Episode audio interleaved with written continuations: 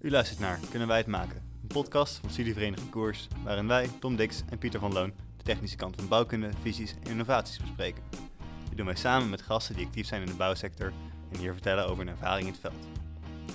Snel, automatisch en zo min mogelijk handelingen. Dat is de manier hoe de ingenieur graag tot een resultaat komt. Een proces is pas echt goed als deze perfect is en geoptimaliseerd is. Hier zijn tegenwoordig een hoop digitale hulpmiddelen voor en worden steeds beter in het toepassen hiervan. Een van de methodes die wordt gebruikt is het parametrisch ontwerpen. Hedendaags wordt steeds meer toegepast en kunnen we misschien wel spreken over een revolutie binnen de bouwwereld.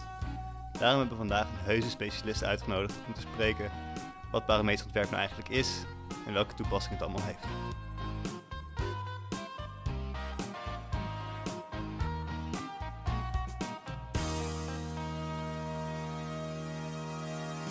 En onze specialist van vandaag heet Rick Titulaar, uh, werkend bij ARUP als Structural Engineer en Computational Designer.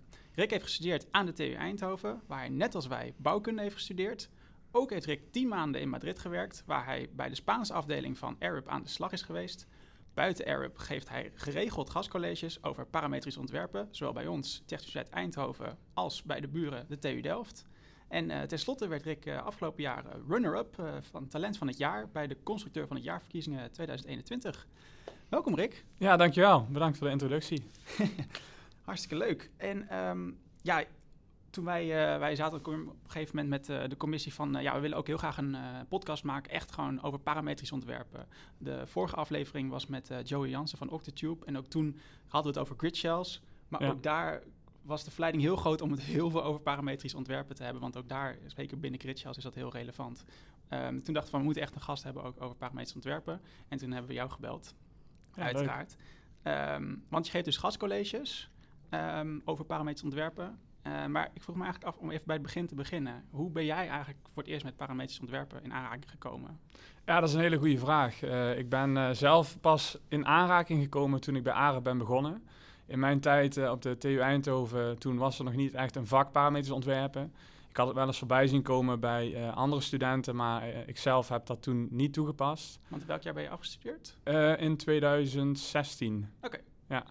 En ja, toen ben ik eigenlijk direct bij AREP begonnen. En daar waren een aantal collega's toffe projecten aan doen met Grasshopper.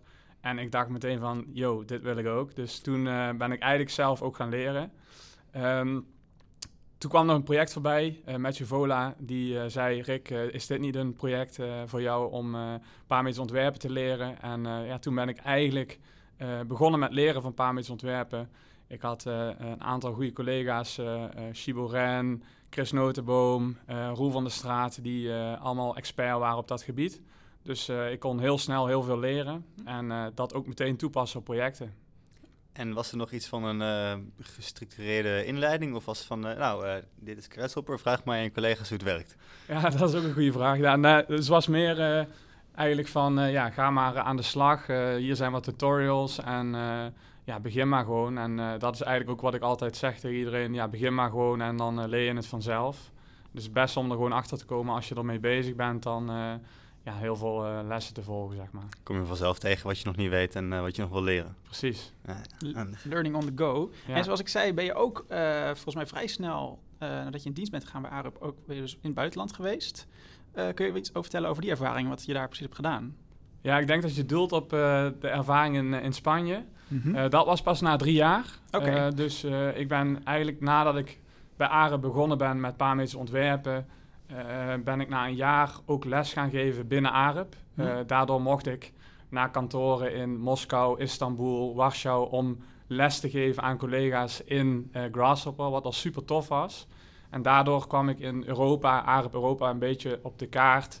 En op een gegeven moment, ja, drie jaar geleden, kwam mijn manager Johan de Jong, die kwam naar mij toe bij de koffieautomaat en die zei ja, Rick, uh, ik heb misschien een heel tof project voor jou. Uh, het heeft te maken met parametrische ontwerpen. En uh, het is een stadion. en ja, toen zei hij, wil jij misschien naar Spanje voor, voor een jaar? Ja, toen zijn we even gaan onderhandelen en ik moest ook nog vertellen aan mijn destijds vriendin, nu vrouw, hmm. van ja, vind je dat een goed idee als ik naar het buitenland ga? en ja, zij zag ook wel dat mijn ogen begonnen te sprankelen van als constructeur, werken parametrisch aan een stadion ja, dat is echt eh, super. Mhm. Het was echt een, dro- een droomproject. eh. ja, zeker een droomproject. Ja, ja. dus eh, ja, ik, heb- ik heb al gehoord dat jullie een podcast ha- hadden gehad, een aflevering over werken in het buitenland. Dus daar kunnen we uren over praten. Maar Mhm. Mhm. ja. En het uh, stijl, dat, w- wanneer was je dan in Spanje? Hoeveel jaar geleden? Eh, ja, drie jaar geleden ben jaar ik daarheen gegaan. En eh, daar ben ik geweest voor negen maanden. Ehm, en toen begon corona. Dus ik ben eigenlijk Wauw. eh, teruggekomen door de corona. Hm. Ehm, precies op het moment dat eh, ze Spanje gingen afsluiten, heb ik nog maar net een vlucht geboekt om eh, terug te komen. En eh, ja, toen heb ik nog een maand vanuit Nederland aan dat project gewerkt in Spanje. En toen ben ik weer terug eh, verhuisd naar eh, eh, Amsterdam. Nou ja. Of ja, eigenlijk naar Horst, waar ik nu woon. Maar eh, Want je bent van origine een Lim- een Limburger en Ja. eh, nog steeds eh trots Limburger. ja, zeker. Dus ik ben ook terug verhuisd naar Limburg. Eh, Mhm. daar, woont, eh, of daar woon ik nu samen. Eh, en eh, ik werk nog in Amsterdam. Dus eh, ja, dat is wel mooi. Ja. Het is wel een, een eindje fietsen naar Amsterdam. Ja, precies. Ja. Nee, ja, dus nu ei- eigenlijk is de corona ook wel een voordeel geweest. Dat eh, het thuiswerken wat normaler is geworden. Ja. Waardoor je eigenlijk nu ja, een soort van hybride vorm kan hebben. Dus vif- 50% thuiswerken, 50% op kantoor. En eh, daardoor maakt het ook gewoon mogelijk om eh, ja, in Limburg te wonen. Ja, nou ja. Ja, Elk eh, nadeel heeft zijn voordeel. ja dan. precies. Ja. Want heb je dan een oplossing voor? Of had je er al een plan toen je dacht van als ik nou gewoon... Ja, ik weet niet of je überhaupt een plan had om vijf dagen op kantoor te zijn, maar dat lijkt me niet te doen, elke dag op en neer. Ja, de, dus ik, ei- eigenlijk voordat mij gevraagd werd om naar eh, Spanje te verhuizen, toen eh, had ik al het plan om te gaan samenwonen. En ja, toen was het idee van, ja, waar gaan we dan wonen? Gaan we in Amsterdam wonen? Eh, mijn vrouw komt uit, uit Limburg ook, ik kom uit Limburg, dorpje naast elkaar. Dus toen dachten we, ja, waar gaan we dan wonen? Zij wilde niet naar Amsterdam. Dus toen, ja, of we gaan er tussenin, of we gaan gewoon in Limburg wonen. Dus toen had ik dat besproken met, mijn managers bij Arep. En die zeiden van, ja, als jij dat graag wil, dan gaan we dat eh, voor elkaar maken, voor elkaar krijgen. En eh, ja, toen kwam Spanje tussendoor, dat ik nog even naar het buitenland ging. En eh, ja, daarna zijn we eigenlijk, eh, of ben ik naar, eh, naar Limburg verhuisd. Vervelend. Even tussendoor Ja. naar Spanje. Ja, En het Ja, stadion, eh, is, er al iets van, eh, is er al iets van een fundering ondertussen gebouwd? Of is het allemaal uitgesteld? Of eh, überhaupt gewoon verder in de toekomst? Ja dus eh, het stadion, ik mag helaas eh, de naam nog niet noemen. Ik kan Ja. zeggen. Maar eh, het is een stadion eh, ergens in Europa. En eh, ze zijn eh, al een tijdje bezig, maar ook weer niet. Ja, hoe, hoe meer ik erover zeg, eh, hoe, hoe eerder jullie het misschien raden. Mhm. Dus ik zal het daarover ophouden. Maar ja, gewoon het werken aan zo'n stadion was echt fantastisch. Gewoon een paar meters ontwerp opzetten voor een bepaalde constructie van een stadion, waarbij het ontwerp nog elke week verandert. Eh, ja, dan zie je echt wel gewoon de kracht van meters ontwerp. En daardoor hadden ze ook gezegd van ja, Rick, eh, kun je ons niet komen helpen om daar een workflow voor op te zetten? En eh, ja, super tof. Klinkt goed. Ja, Lijkt me dan een mooi, eh, een mooi begin van ons hoofdonderwerp. We hebben je natuurlijk uitgenodigd voor, voor het parametersontwerp. En eh, zoals we altijd doen met onze afleveringen is we beginnen met een klein vragenvuur. Je krijgt zo meteen eh, vijftal stellingen van ons voorgeschoteld. Eh, volgens mij allemaal over parametersontwerp. En dan eh, mag je even kort eh, snel een antwoord geven en dan eh, kunnen we achteraf altijd nog een beetje nuanceren als het nodig is. Maar in ieder geval eh, de eerste vraag. Parametrisch ontwerp is altijd beter dan een normaal ontwerp. waar? Kijk, heel goed. Ik doe nooit meer iets niet parametrisch. Niet waar, helaas. Een parametrisch ontwerp is altijd 3D. Niet waar.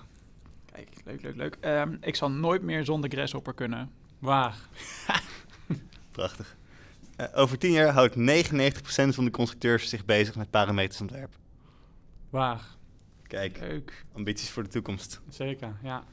Of eh, visie voor de toekomst. Mhm. Ehm, ik vind de eerste eigenlijk wel meteen gewoon interessant. Want een parametrisch ontwerp is eigenlijk altijd beter dan normaal. Het was redelijk snel een, eh, een overtuigde waar. Ja, kan je toelichten? Waarom, eh, waarom is het beter? ja dus eh, ja, ik hoef jullie niet uit te leggen wat de voordelen van parametrisch ontwerpen zijn, maar ja, je kan er gewoon interactief mee ontwerpen, eh, flexibel ontwerpen, je kan ermee automatiseren, optimaliseren.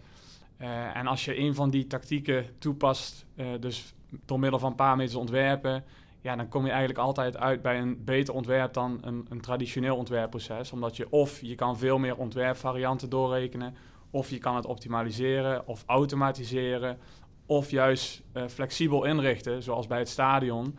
Dat als er iets verandert uh, na twee weken, uh, dat je niet opnieuw je hele rekenmodel in elkaar moet knutselen, maar dat automatisch wordt gegenereerd. Nou, misschien goed om weer even bij het begin te beginnen. We gaan het dus hebben over parametrisch ontwerpen. We hebben het woord nu al te vaak gezegd. maar wat betekent het nou? Wanneer is een ontwerp parametrisch? Ja, parametrisch ontwerpen houdt in, uh, is meer een digitaal uh, ontwerpproces waarbij je relaties legt tussen verschillende onderdelen in een ontwerp. Dus dat kan je dan uh, in een algoritme vastleggen of in een script bijvoorbeeld. Dus eigenlijk je gaat de, de inputvariabelen relateren aan de output bijvoorbeeld. Mm -hmm. uh, en om dat misschien toe te leggen met een constructief voorbeeld, een vakwerk. Ja, als je een vakwerk hebt, een vakwerk heeft een bepaalde overspanning. Je kan een vakwerk een bepaalde hoogte geven. een bepaalde type vakwerk, dat zouden je inputvariabelen zijn. Dan kun je dus een script of een algoritme schrijven die die geometrie genereert of bijvoorbeeld ook nog analyseert. Mm-hmm. En als output is dan ja, of je geometrie of je Revit-model, of de vervormingen of het gedrag, het constructief gedrag van dat vakwerk. En dan is het voordeel dat als je een van die variabelen aanpast, dat die automatisch opnieuw doorrekent en dan krijg je automatisch een nieuw ontwerp eigenlijk. Precies, ja, ja. Dus of inderdaad interactief te ontwerpen, zoals jij het noemt, als je één slider verandert of een, een, een inputvariabele verandert, dat je meteen een nieuw uh, rekenmodel krijgt. Of je rekent duizenden varianten door en daarna ga je uh, aan tafel zitten met de klant of zo om door te nemen van ja, wat is nou eigenlijk de beste optie in ons ontwerp? Ja, ja het is natuurlijk uh, het, beste ontwerp uh, bestaat niet, maar nee, dan kan je ze in ieder geval naast elkaar leggen. Ja, ja. hey, en je zei dus um, parametrisch ontwerpen, dat is dan een beetje het, het buzzwoord en de applicatie die we dan daarvoor gebruiken, je noemde het net ook al even, is de springhaan, ja. Grasshopper. Um, Kun je even kort toelichten voor, mocht er nog toevallig die ene luisteraar zijn, bijvoorbeeld mijn oma, die dan even nog nooit met Grasshopper heeft gewerkt. Wat houdt het in? Uh, ja, Grasshopper. Uh, Grasshopper is allereerst een, een, een plugin in een andere software, Rhino, mm -hmm. een 3D-modelleringssoftware. Uh, Grasshopper is een plugin waarin je visueel kan programmeren, waarin eigenlijk een soort van bouwsteentjes bij elkaar zijn geraapt om uiteindelijk te kunnen programmeren. Stel je voor je wil een lijn tekenen, dan kun je een punt maken en nog een punt en daartussenin kun je een lijn trekken. Dus eigenlijk maakt het heel simpel om geometrieën te, te genereren of uh, als daar voor andere uh, modules of bouwsteentjes in worden gesleept, kun je daar analyses aan vasthangen. Mm -hmm. dus eigenlijk is het gewoon een hele ja, interessante en bruikbare tool. Mm -hmm. Het is eigenlijk gewoon ja, visueel programmeren noemen we het ook al. Hè? Dus gewoon die logica opbouwen en dat wat je zegt, daar blokjes en lijntjes. En het is in principe open je altijd met een blanco canvas. Er zitten echt gewoon geen borders. Letterlijk, je kan alle kanten op programmeren in het veld. En uh, de logica is meestal van links naar rechts. En uh, elk blokje heeft altijd alles wat links ingaat is invoer. En wat aan de rechterkant is altijd uitvoer. En uh, je kan overal weer een, een, een, panel aanhangen om te zien, ja, wat doe je nou precies. Ja. En op die manier kun je logica opbouwen. Ja. Um, ja, en waarom wat is nou de kracht? Waarom is, is de, zeg maar, zeker binnen de um, bouwkunde scene, zeg maar, is, is omarmen constructeurs, uh, ja, computational designers, et cetera, architecten, die omarmen het visueel ontwerp, programmeren.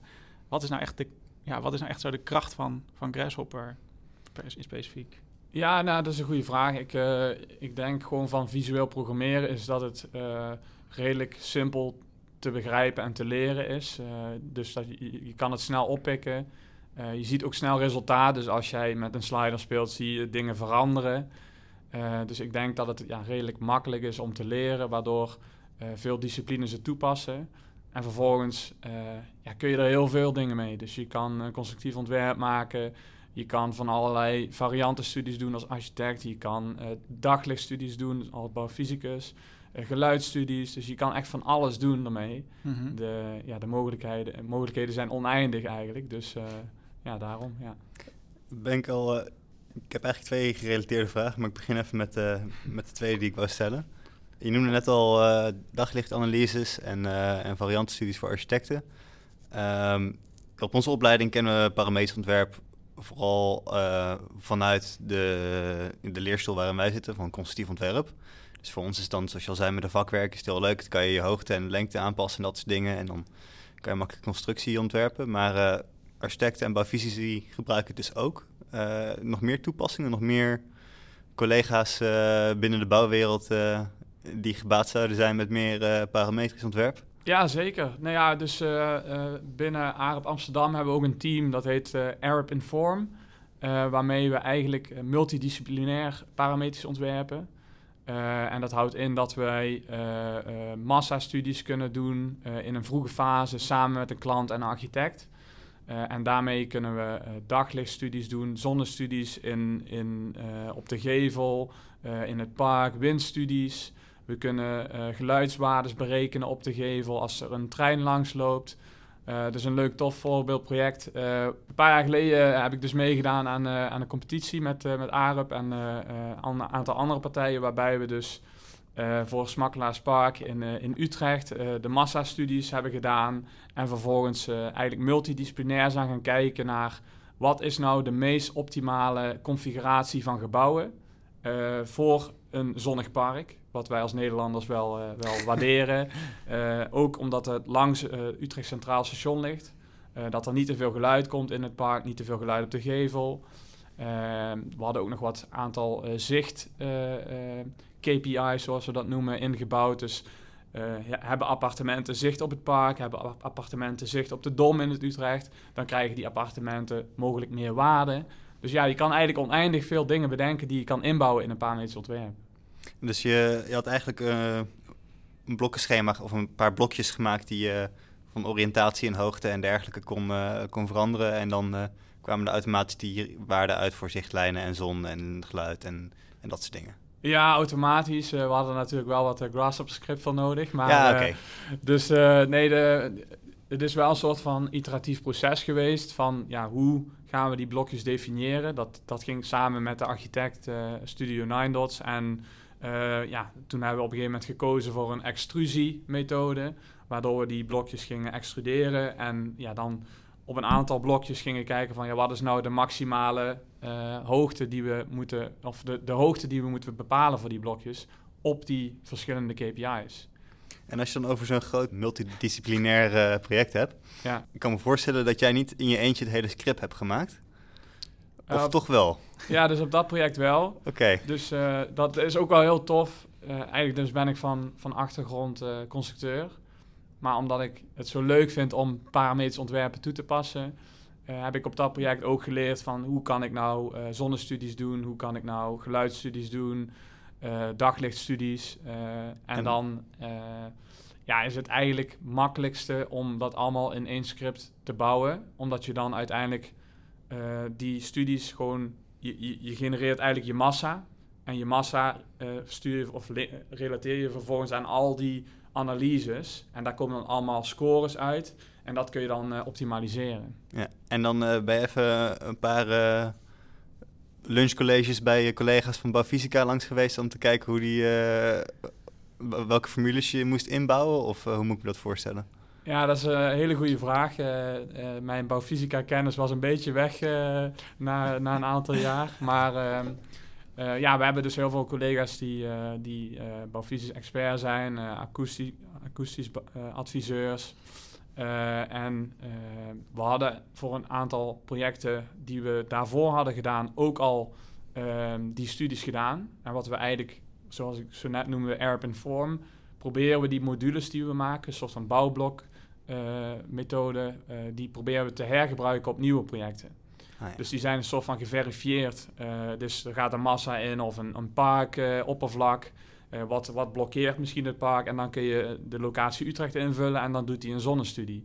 En dat soort modules kunnen we eigenlijk hergebruiken op nieuwe projecten. Waardoor het heel veel tijd scheelt. Als we nu een nieuw project doen, kunnen we die bouwsteentjes makkelijk uh, inslepen. En vervolgens ja, multidisciplinair een studie doen. Dus het uh, beeld wat Tom eerder schetste van uh, Grasshopper, je begint altijd met een mooie lege canvas en de mogelijkheden zijn oneindig, is deels waar. Maar jullie hebben ook genoeg standaard modules ontwikkeld als AREP die kan downloaden en in je script kan laden om bepaalde analyses mee te doen. Dus. Ja, precies. Ja, dus je kan het zien als een soort van plugin uh, ja. in Grasshopper. Een soort van Karamba, maar dan voor andere uh, disciplines. Ja. Oké, en ehm, hoe, eh, wat je zegt, je hebt geoptimaliseerd. Je had bepaalde KPI's eh, die je net noemde. En op een gegeven moment ga je optimaliseren. Waar, wat voor optimalisatietechniek heb je gebruikt? En misschien ook leuk voor de kenners, welke tools, eh, kunnen we misschien bij naam noemen, heb je gebruikt destijds? Ja, uh, super goede vraag. Uh, nee, we hebben voor Smakla Spark zelf hebben wij Octopus gebruikt. Ja. dat is een optima optimalisatie-algoritme voor met name multi-objective optimization. Ja, meerdere KPI's. Precies. en daarmee konden we eigenlijk zes KPI's optimaliseren. Maar eigenlijk is optimaliseren een gevaarlijk woord hier. Want uh, ja, als je gaat optimaliseren voor uh, maximaal zonlicht in het park, bijvoorbeeld in, in de lente, uh, moesten we de gebouwen aan de treinzijde omlaag halen, zodat er meer zon in kwam in de lente. Maar daardoor werden de geluidwaardes op de gevel en in het park ook weer hoger. Dus daardoor moesten we eigenlijk het gebouw weer wat omhoog zetten om dat beter te krijgen. Dus door eigenlijk uh, dat ontwerpproces in te gaan, Octopus te gebruiken met die interactieve grafiek die je kan gebruiken binnen Octopus, kun je een hele rits aan alternatieven uitrekenen, waardoor die alles probeert uh, te, te, maximaliseren of te minimaliseren, net wat je wilt. Mm -hmm. Dat neem je mee naar de uh, ontwerptafel samen met de klant en architect en alle andere bouwteamleden. En dan ga je er gewoon doorheen praten. In plaats van dat wij zeggen, dit is het optimale, dit is het optimale ontwerp ga je eigenlijk zeggen, of samen interactief uh, met het hele team bepalen, ja, wat vinden wij nou belangrijk, strepen we af tegen de anderen. En dus dan kom je eigenlijk samen tot een geïnformeerde keuze. Ja, ook weer iets wat alleen had gekund met parametrisch ontwerpen. Precies, ja. Uh, wat ik me ook nog afvroeg, uh, want je had dus dit script wel echt in je eentje gebouwd, maar werk je ook wel eens met meerdere mensen aan één script? En zo ja, hoe doe je dat dan? Uh, ja, uh, we werken wel eens met meerdere mensen aan één script uh, of meer aan een workflow. daarin stellen we van tevoren, schetsen we uit wat we willen bereiken. Dus eigenlijk wat is de input en wat is de output en wat zijn de stapjes daartussenin. dan kunnen we die stapjes daartussenin kunnen we opknippen. en vervolgens kunnen we dat dan, ja, wij gebruiken veel Speckle. met Speckle kunnen we, Speckle is een tool waarmee je uh, uh, data of uh, ja, eigenlijk data van het ene platform of software naar andere software of platform kan sturen. Maar je kan dus ook data sturen van één Grasshopper script naar een ander Grasshopper script. Ah, ja. Dat gaat dan via de cloud. Dus eigenlijk als je dan een klein onderdeel, iemand doet bijvoorbeeld het genereren van de geometrie, dat is zijn onderdeel. Dan uh, heeft hij aan het einde van zijn script heeft hij een sender die stuurt die informatie naar Speckle. En de volgende persoon die die geometrie gebruikt om een analyse te doen of wat dan ook, die uh, haalt die informatie op uh, en die bouwt daarop een script.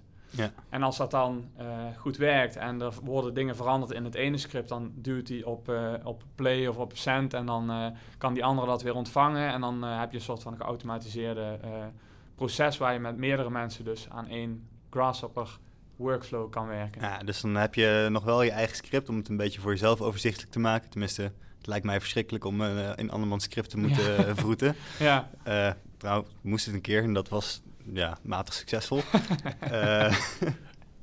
maar op die manier kun je dus wel samen aan hetzelfde ontwerp werken, maar wel allemaal een afgebakende eilandjes eigenlijk. Ja, precies. Ja.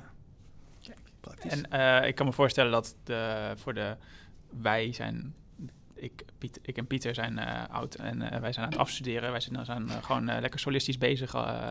dus wij hebben geen uitwisselingstools nodig. Maar ik kan me voorstellen dat voor de mensen die bijvoorbeeld nog groepsprojecten moeten doen, of de multi-projecten, daar leunt het uitstekend voor. Dus ja, dat is ideaal, ja. Is ja. dit voor mensen die in, op de universiteit ermee aan de slag willen gaan en deze Grasshopper files willen uitwisselen, is dat Speckle ook voor hun beschikbaar? Ja, het is gewoon uh, open source, dus uh, volgens mij kan iedereen het gewoon uh, downloaden. En ik zou ook zeker aanraden als je al met Grasshopper bezig bent om er eens mee, mee te spelen. dan kom je erachter hoe eigenlijk hoe, hoe, hoe, hoe powerful het is. Ja. ja. nou weer een tip. Ja.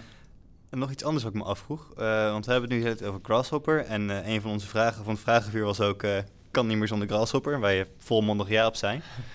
Maar je bent nu al een paar jaar uh, bezig als uh, computational uh, designer of engineer. gebruik je ook wel eens even klassieke programmeertalen? Jazeker, ja. Dus soms dan kom je net niet meer uit in Grasshopper. Dus dan ja, dan zit ik wel nog in Grasshopper, Grasshopper en dan bouwen we iets in Python. Ja. Eh, de laatste twee jaar ben ik ook iets meer bezig met web development. Dus hoe kunnen we bijvoorbeeld een Grasshopper script runnen in de cloud en daar een mooie interface aan hangen en dan die webtool delen met een klant bijvoorbeeld. Mhm. en daarvoor ja, coderen we dan ook in JavaScript. Ah ja, dus dan bouw je eigenlijk gewoon een, een voorkantje met een paar anders vormgegeven sliders eigenlijk, die je dan aan de klant stuurt van hey, dit is een beetje, het een beetje, ons model wat we hebben opgezet. ga maar lekker je varianten bekijken en dan zie je wat de invloed ervan is. Of... Ja, precies. Dat, dat zou een optie kunnen zijn. wat we normaal, of wat we momenteel nog vaak doen, is dat we het dan samen met de klant bekijken of de architect. we zijn nog niet op het punt dat we alles gewoon over de schutting gooien en ja, ga er maar mee aan de slag. Mhm. Eh, dat zou misschien in de toekomst wel kunnen voor bepaalde projecten, voor bepaalde onderdelen, maar uh, ja. Oké, en jullie doen dat, zijn dat echt zelf aan het uitzoeken? Want er zijn natuurlijk ook weer partijen in Nederland die heel erg uh, webgedreven zijn inderdaad. En ook die links naar dergelijke programma's als Grasshopper mogelijk maken. Maar jullie zoeken dat echt zelf uit? Ja, er zijn inderdaad partijen, Packhunt, uh, Shapediver, ja. die daar allemaal mee bezig zijn en die dat kunnen. vast ook andere conculega's die dat doen. Maar ja, het voordeel van werken bij AREP, een groot internationaal ingenieursbureau, is dat er ja, volgens mij 14.000 man werken.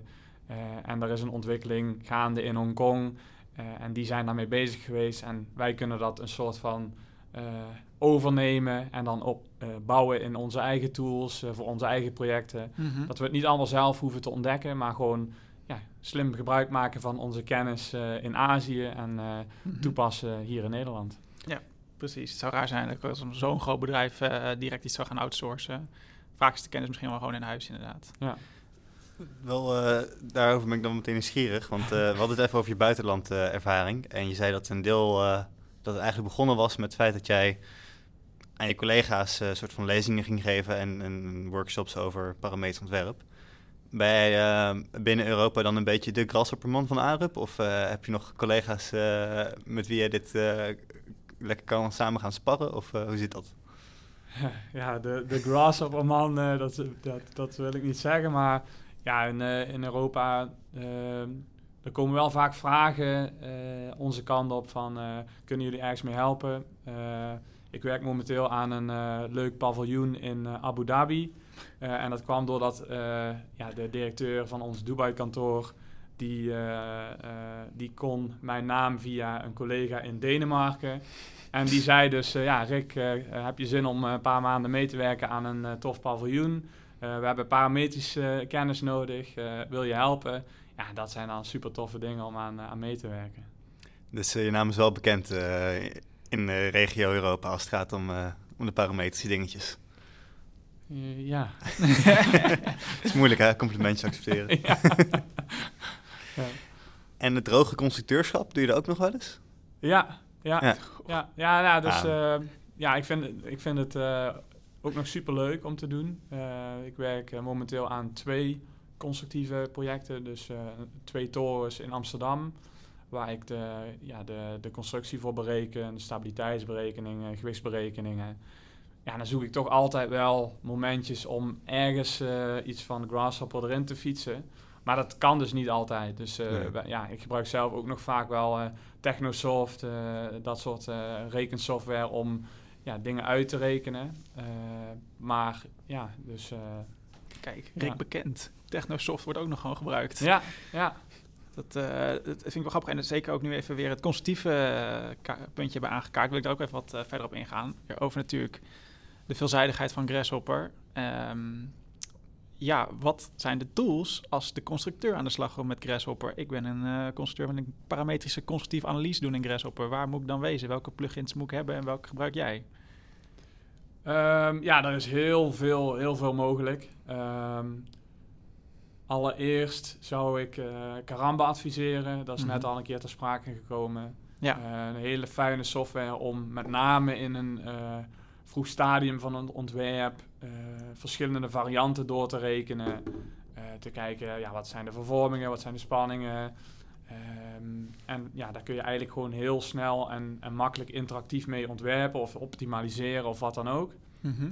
Ehm, wat wij dan vaak daarna ook nog gebruiken is eh, Geometry Gym. Ja. Eh, Geometry Gym is een plugin ontwikkeld door John Merchant in Australië. Die eh, kan makkelijk eh, jouw eh, lijnenmodel of, of shells of wat dan ook wat jij opbouwt in Grasshopper versturen naar eh, rekensoftware. Zoals eh, GSA, ETABS, eh, SAP. eh, Mhm. Volgens mij heeft hij daar overal plugins voor geschreven. Ehm, Geometry Gym gebruiken wij ook om ehm eh, Revit-modellen te op te zetten. Ehm, hij heeft zoveel ontwikkeld dat, eh, ja, dat dat super waardevol is geweest, met name in de afgelopen zes jaar. Momenteel is er eh, Rhino Inside Revit, waardoor we nu eigenlijk eh, ja, steeds minder eh, Geometry Gym gebruiken voor Revit-modellen te genereren van de constructie. Mhm. En we gebruiken eigenlijk stiekem ook steeds, meer steeds minder Geometry Gym, omdat er een plugin is gemaakt voor GSA, Oasis GSA Grasshopper plugin. Mhm. Ehm, en die is eigenlijk, ja, die kan nog niet alles wat Geometry Gym kan, maar het is wel de toekomst. Ja.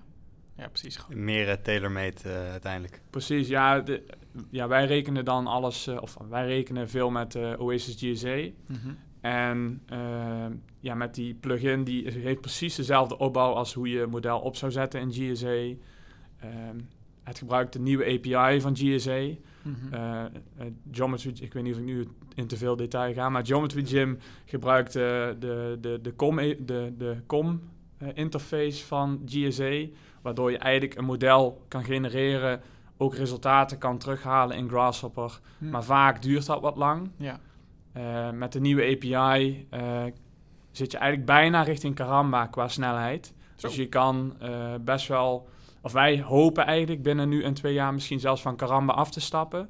Omdat GSA-plugin misschien sneller is, maar zeker beter. Omdat wij in latere fases ja, een Karamba-model, ja, die gebruiken we eigenlijk nooit om te documenteren. Dan gebruiken we toch altijd eerder een GSA-model. Mhm. Ook omdat onze eh, eh, seniors vaker eh, bekend zijn met GSA en niet met Karamba. Dus als die een keer een model willen controleren, dan eh, is dat weer wat makkelijker. Mhm. Dus eh, ja, Oké, dus dit is wel een interessante uitspraak. Jij zegt dus Karamba zou in de toekomst minder tot wel niet gebruikt kunnen worden. ja, dat wil ik niet zeggen. Eh, het heeft nog steeds zijn, zijn, zijn sterkte. Eh, ik denk voor bepaalde toepassingen dat het nog zeker super handig kan zijn. Maar ehm, ja, voor sommige andere toepassingen denk ik dat wij in eerste instantie hebben wij tower tools gemaakt om ehm, heel snel in, in vroege fases eh, stabiliteitsberekeningen te maken in Karamba. Dus eh, om te kijken van ja, voldoet alle doorbuigingen, krachten en dergelijke. Ja.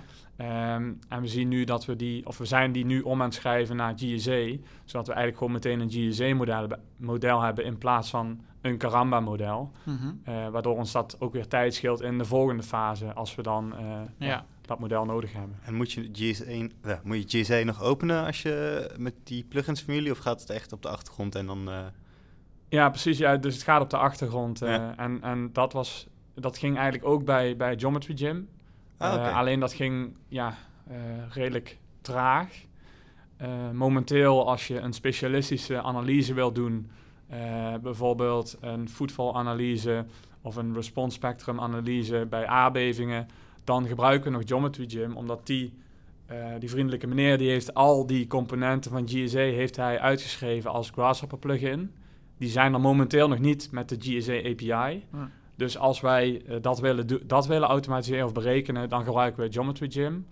Ehm, voor wat simpelere modellen proberen we nu over te stappen naar eh, de GSA-plugin. ja, en het is gewoon een kwestie van tijd tot er nieuwe versies uitkomen. Er wordt Precies. ongetwijfeld hard aan gewerkt, inderdaad. Ja, Maar even voor de, voor de duidelijkheid, voor degene die al een beetje wazig zitten te luisteren. Je hebt eigenlijk twee smaakjes in binnen voor het stru- constructief analyse. Of je houdt het intern binnen Grasshopper. En daarvan is een voorbeeld dus Karamba. En het voordeel is dat je dat heel... Ja, Karamba is relatief, als je het relatief simpel houdt, heel snel met eh, input-output. Waardoor je dus heel snel iteratief kan werken.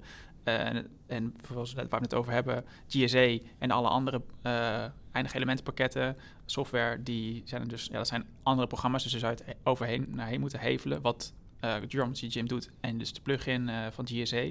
Alleen dat, soms duurt dat lang heen en soms kan die niet eens terug, dus dan kun je niet eens optimaliseren. Maar wat je net schrijft en dat het bijna even snel gaat als Karamba, want dat is een beetje het ja, de kracht van Karamba. Ja, de unique selling point. Ja. Dat, uh, dan, dan, dan wordt het heel interessant inderdaad om naar die ja, mature, uh, ja, advanced ja, FEM uh, software te blijven gebruiken. Ja, zeker. Ja. Zelfs in een vroege fase, als, het dan, als je dan toch al een GSA-model kan maken in plaats van een Karamba-model, dat scheelt al. Ja. ja. dat is wel bijzonder, want ik, mijn persoonlijke associatie met parametrisch ontwerp is meestal hoofdzakelijk schetsontwerp, zeg maar. Je gaat voor de grote beslissingen uh, die wil je snel uh, af met variantenstudies of met optimalisatieloopjes of wat dan ook. Maar als je zulke gedetailleerde dingen kan doen als aardbevings, aardbevingsstudies, dan heb je het niet meer echt op een, over een voorontwerp, lijkt me. Of, of ook nog wel vaak. Nou, eh, het kan. dus toen ik in Spanje zat, heb ik aan een toren gewerkt in Athene, 200 meter, een aardbevingsgebied. Ah, het was een ja, scheme design ehm, samen met uh, Big Bjark Ingels uh, Architects. En ja, die wilden gewoon van allerlei vormen doorrekenen. Uh, en ja, het moest ook wel kloppen, 200 meter, aardbevingsgebied. Dus toen hebben wij besloten om een script te maken met Geometry Gym, waarmee we dus een aardbevingsanalyse konden draaien in GSA, de resultaten terughalen in Grasshopper, alle betonberekeningen waren vervolgens geautomatiseerd en dan hadden we zeg maar een model doorgerekend. Die profielen die eruit kwamen, die stuurden we terug naar, naar BIG om in hun model te zetten. Ja, zo gingen een aantal iteraties op en neer in een hele vroege ontwerpfase.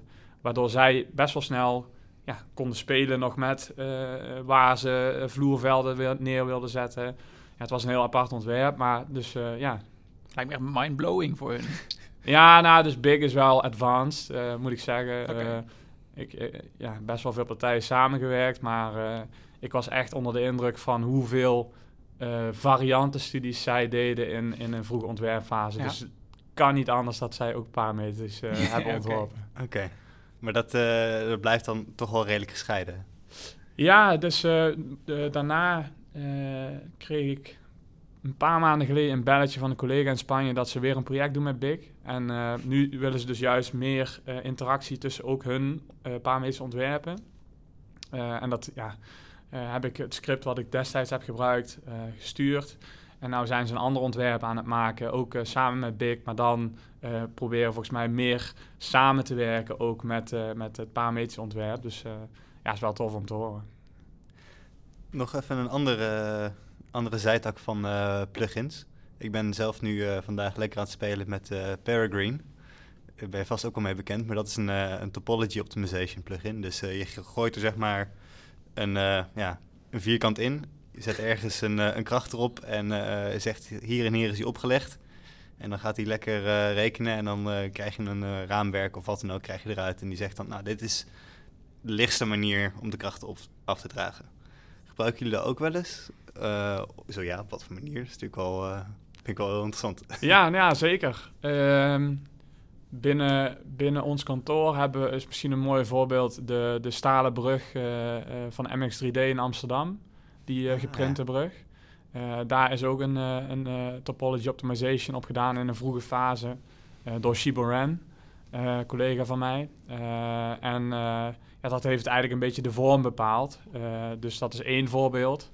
Volgens mij gebruikte hij Karamba uh, als, uh, als topology optimization uh, algoritme. Er zit een componentje in.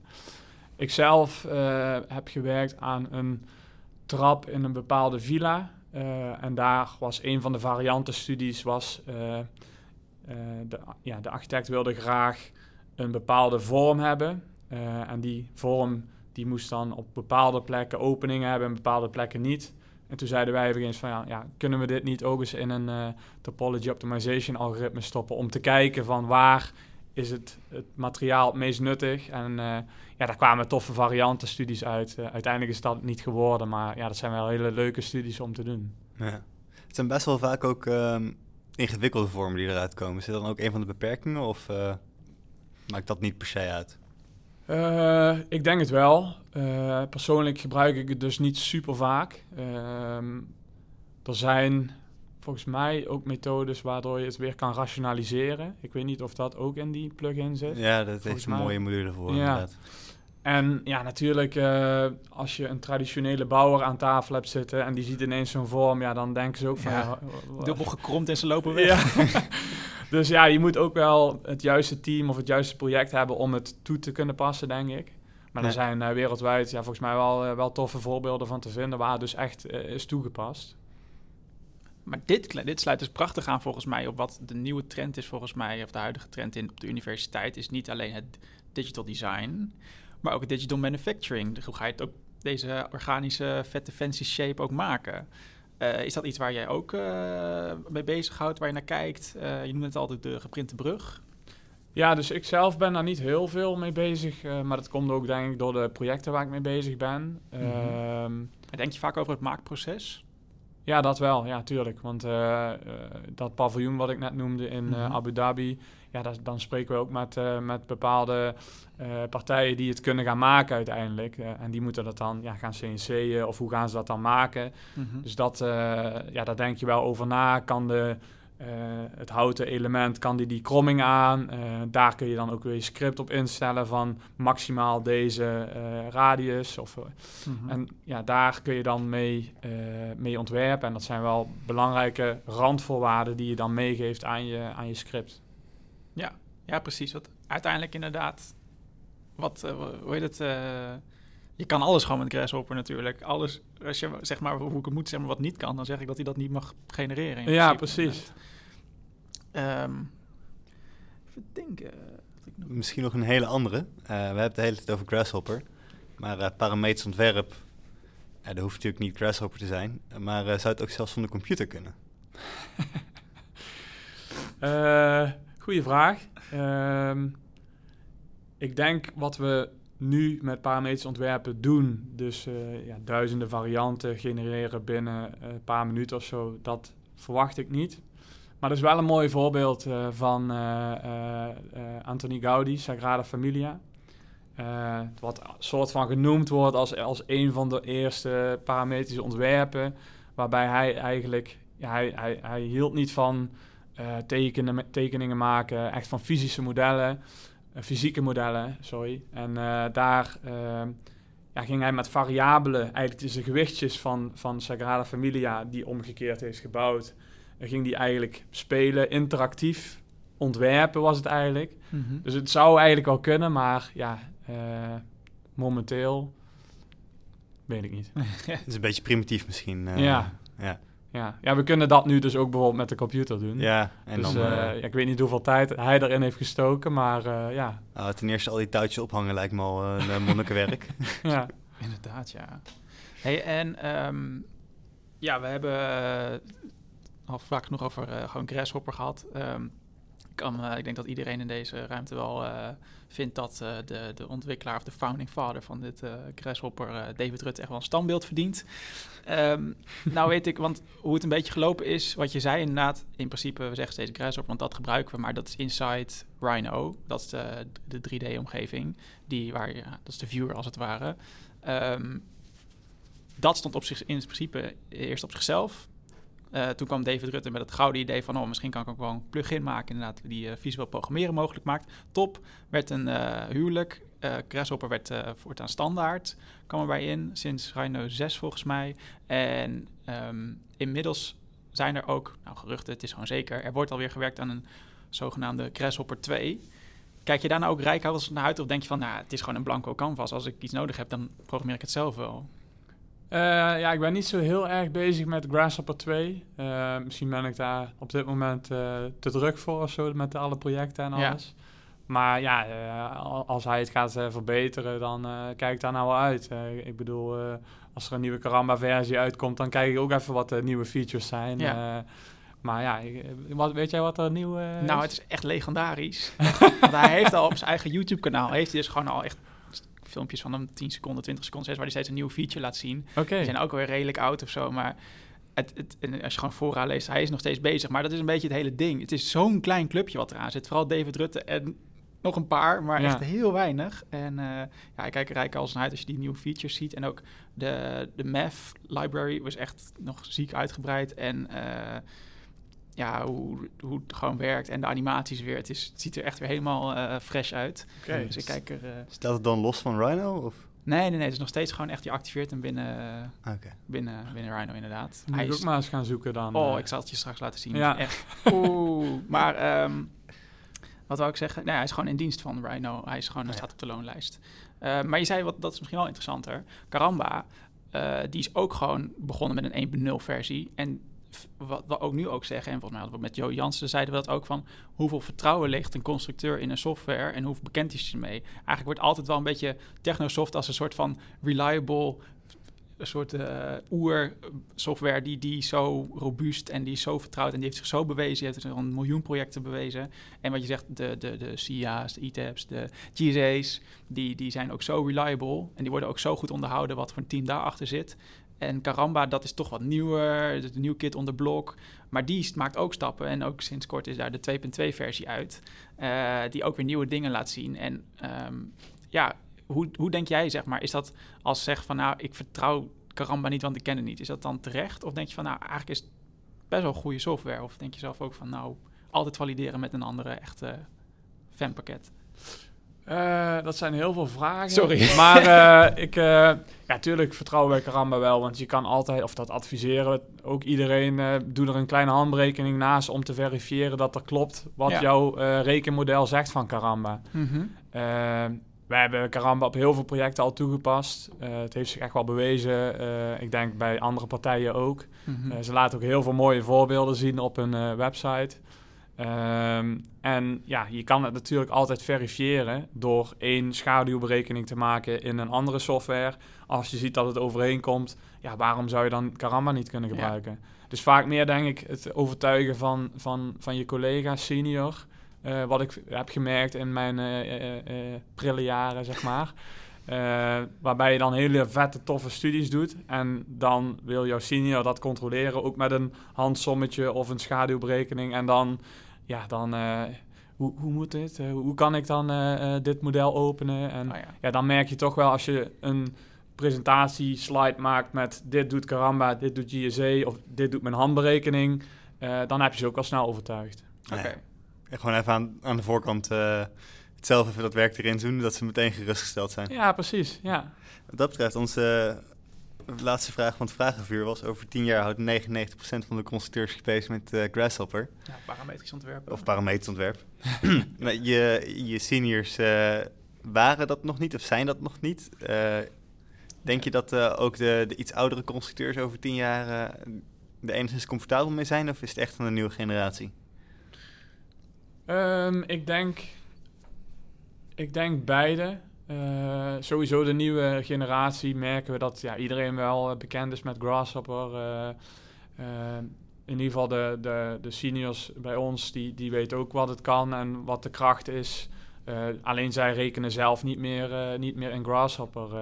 Ze vragen dan junior of medior om de berekeningen te maken. En dan controleren zij het aan de hand van een handberekening of, of wat dan ook. Of een controleberekening van onszelf. Eh, maar ja, alle toekomstige constructeurs eh, denk ik toch wel dat ze daar allemaal bekend mee zijn. Want ja, als iedereen de voordelen weet, ja, waarom zou je het dan niet, niet eh, gebruiken? En wat ik ook heel bijzonder vind aan, om er nog maar eens even weer een complimentje bovenop te gooien. Ik vind het ook gewoon zo leuk. Het is zo snel altijd.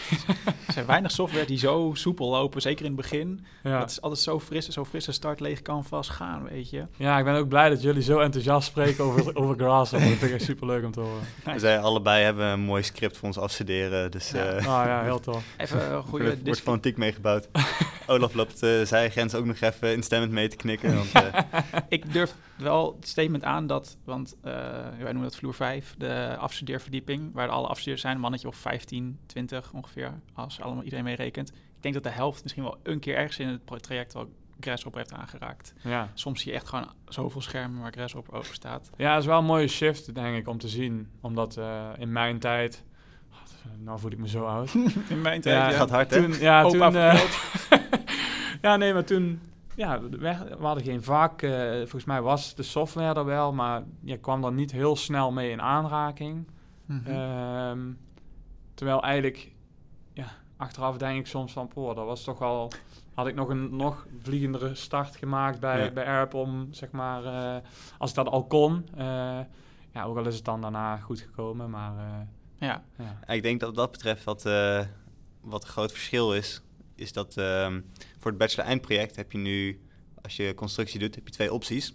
Of je gaat redelijk traditioneel eh, een technisch ontwerp uitwerken Ja. en dan eh, ontwerp je een fabriekshal of eh, whatever ze verzonnen hebben. Ehm, of je mag bij Arjan Habraak in de afstudeerstudio en die gaat lekker een, een grasshopper script eh, knutselen en daar een beetje mee aanklooien. En voor meer dan de helft van de studenten klinkt optie 2 een stuk aantrekkelijker. aantrekkelijker.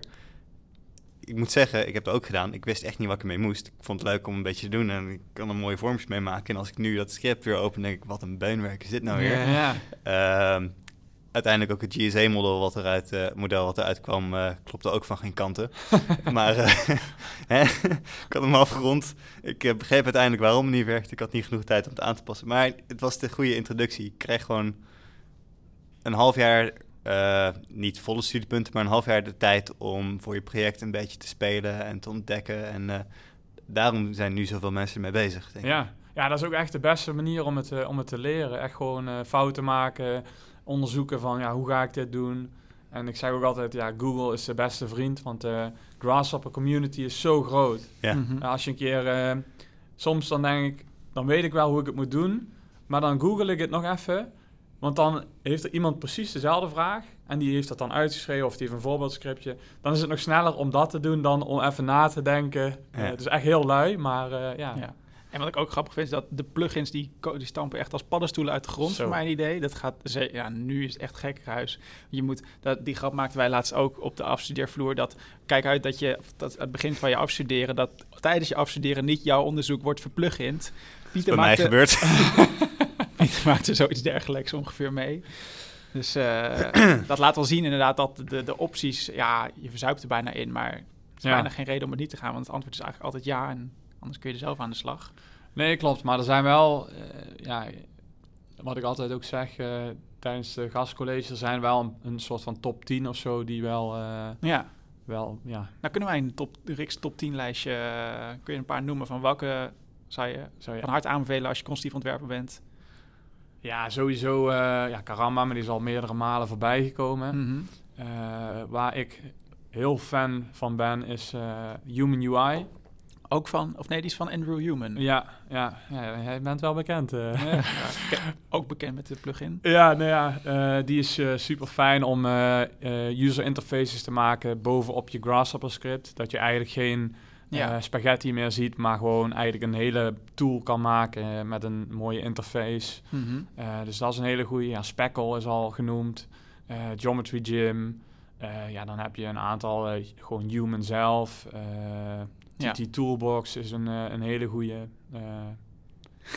ja, En, het waren er geen tien, maar ja. En voor de beetje natuurkundige onder ons gewoon Kangaroo gratis. eh, Ja, ja, die zit er inmiddels ook gewoon inge, ingebakken. Ja, die is ook volgens mij. standaard, inderdaad. Ja, dus, eh, en de meterhopper, een beetje standaard generiek, maar Ja. ook... eh, ja, ja, dus er zijn er heel veel.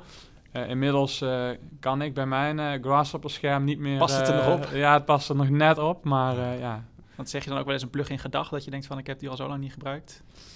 Nee, helaas niet. Zou ik wel moeten doen. Maar we proberen nu wel ehm, scripts die we maken, die, die we delen, om zo veel mogelijk te, te motiveren om eigenlijk zo min mogelijk plugins te gebruiken. Ja. Ehm, en we zijn nu zelfs bezig met een, een YAC-server. Ik weet niet of je dat wat zegt. Een package manager. Oh eh, binnen ARIP te maken voor een, een lijst van plugins die iedereen veel gebruikt. Eh, dat als iemand een script opent met een plugin die ze nog niet hebben, dat kan dan via de package manager geïnstalleerd worden. Ja. Dat we altijd allemaal dezelfde eh, Ja. eh, versie hebben en dergelijke. Mhm. Want dat is ook wel moeilijk, zoals Tom zei. eh, ze schieten als paddenstoelen uit de grond, maar de versies gaan ook echt eh, door het dak heen. Dus Ja. eh, ik kan me voorstellen dat je project van twee jaar geleden al eh, drie versies oude plugins heeft. Ja, soms is dat wel lastig. Eh, volgens mij is er zelfs een keer bij eh, Karamba een, eh, een wissel geweest. Dan ging iets met de units of zo.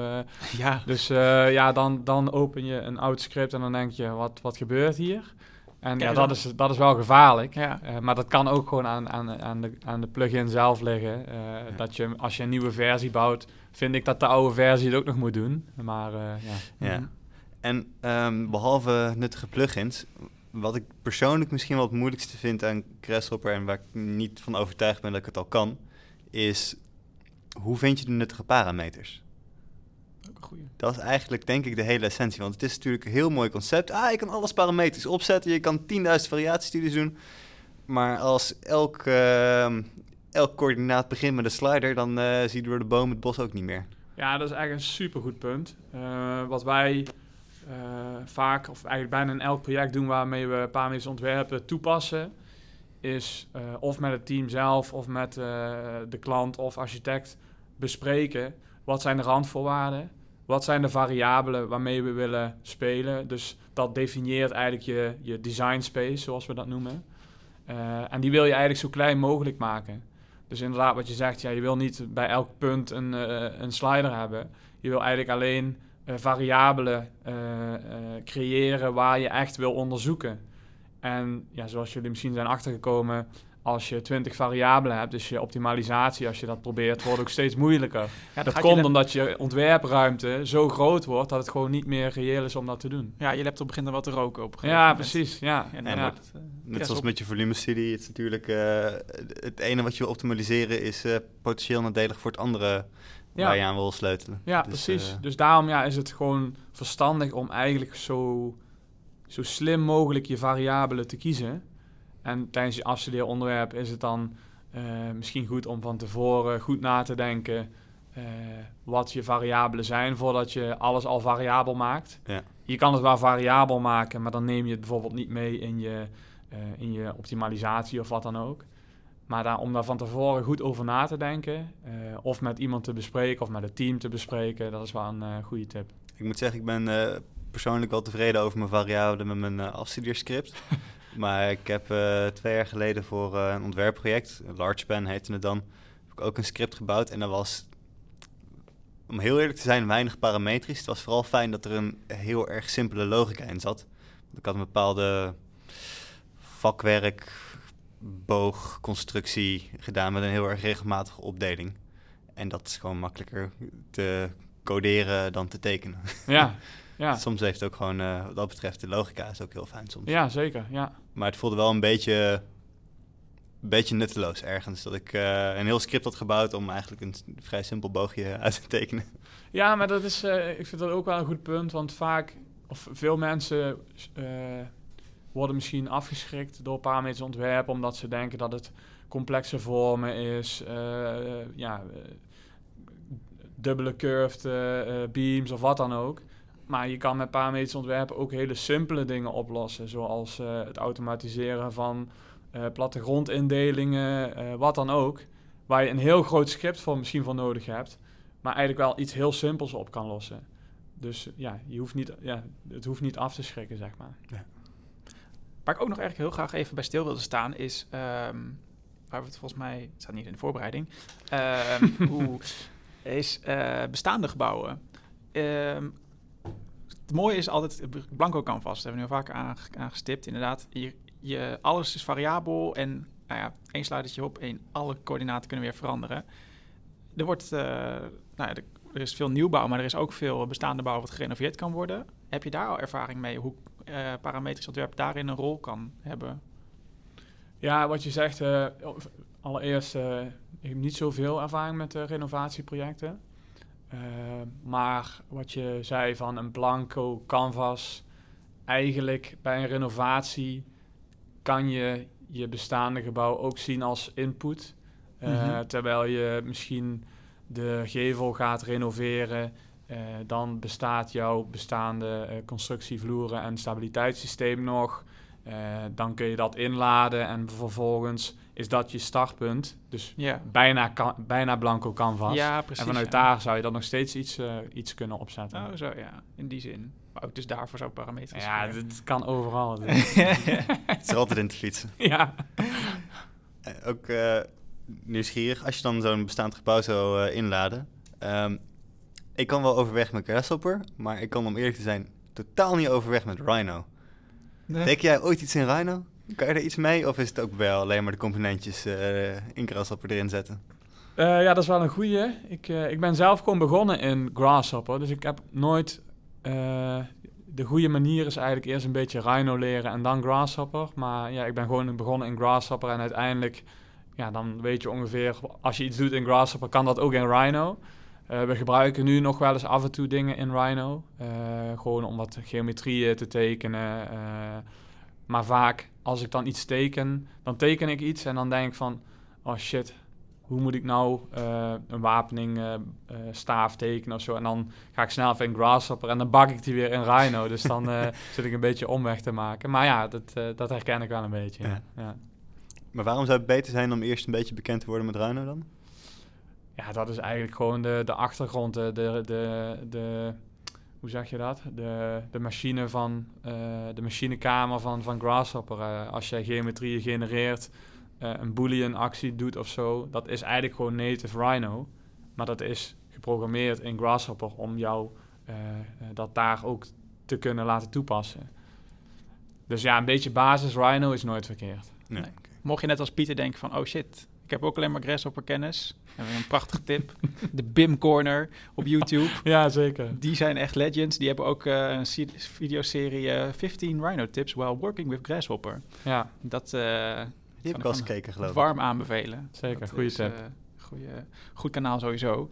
Ehm, wat ik het sowieso nog tenslotte... Ik zie al onze tijdbewaker... Die, eh, die zegt al dat, het, dat we moeten gaan afronden. Maar ik hou- laat me niet tegenhouden... want ik heb nog één prangende vraag. En dat is eigenlijk ook echt heel belangrijk.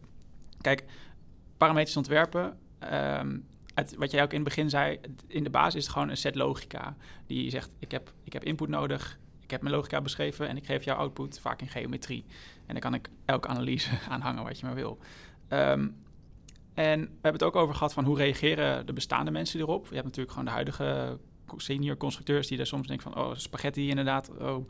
Of dat het, ja, het kent ook zo soms een, eh, dat mensen ja, er eh, minder warm voor lopen op, op, het eerste gezicht. Mhm. Je hebt ook eh, de- misschien toch al wat mensen, de, de constructeurs die digitaal zijn opgevoed, maar die echt meer wat, wat diehard programmeren zijn. Echt gewoon meer code-based, zeg maar, C en, en Python en zo.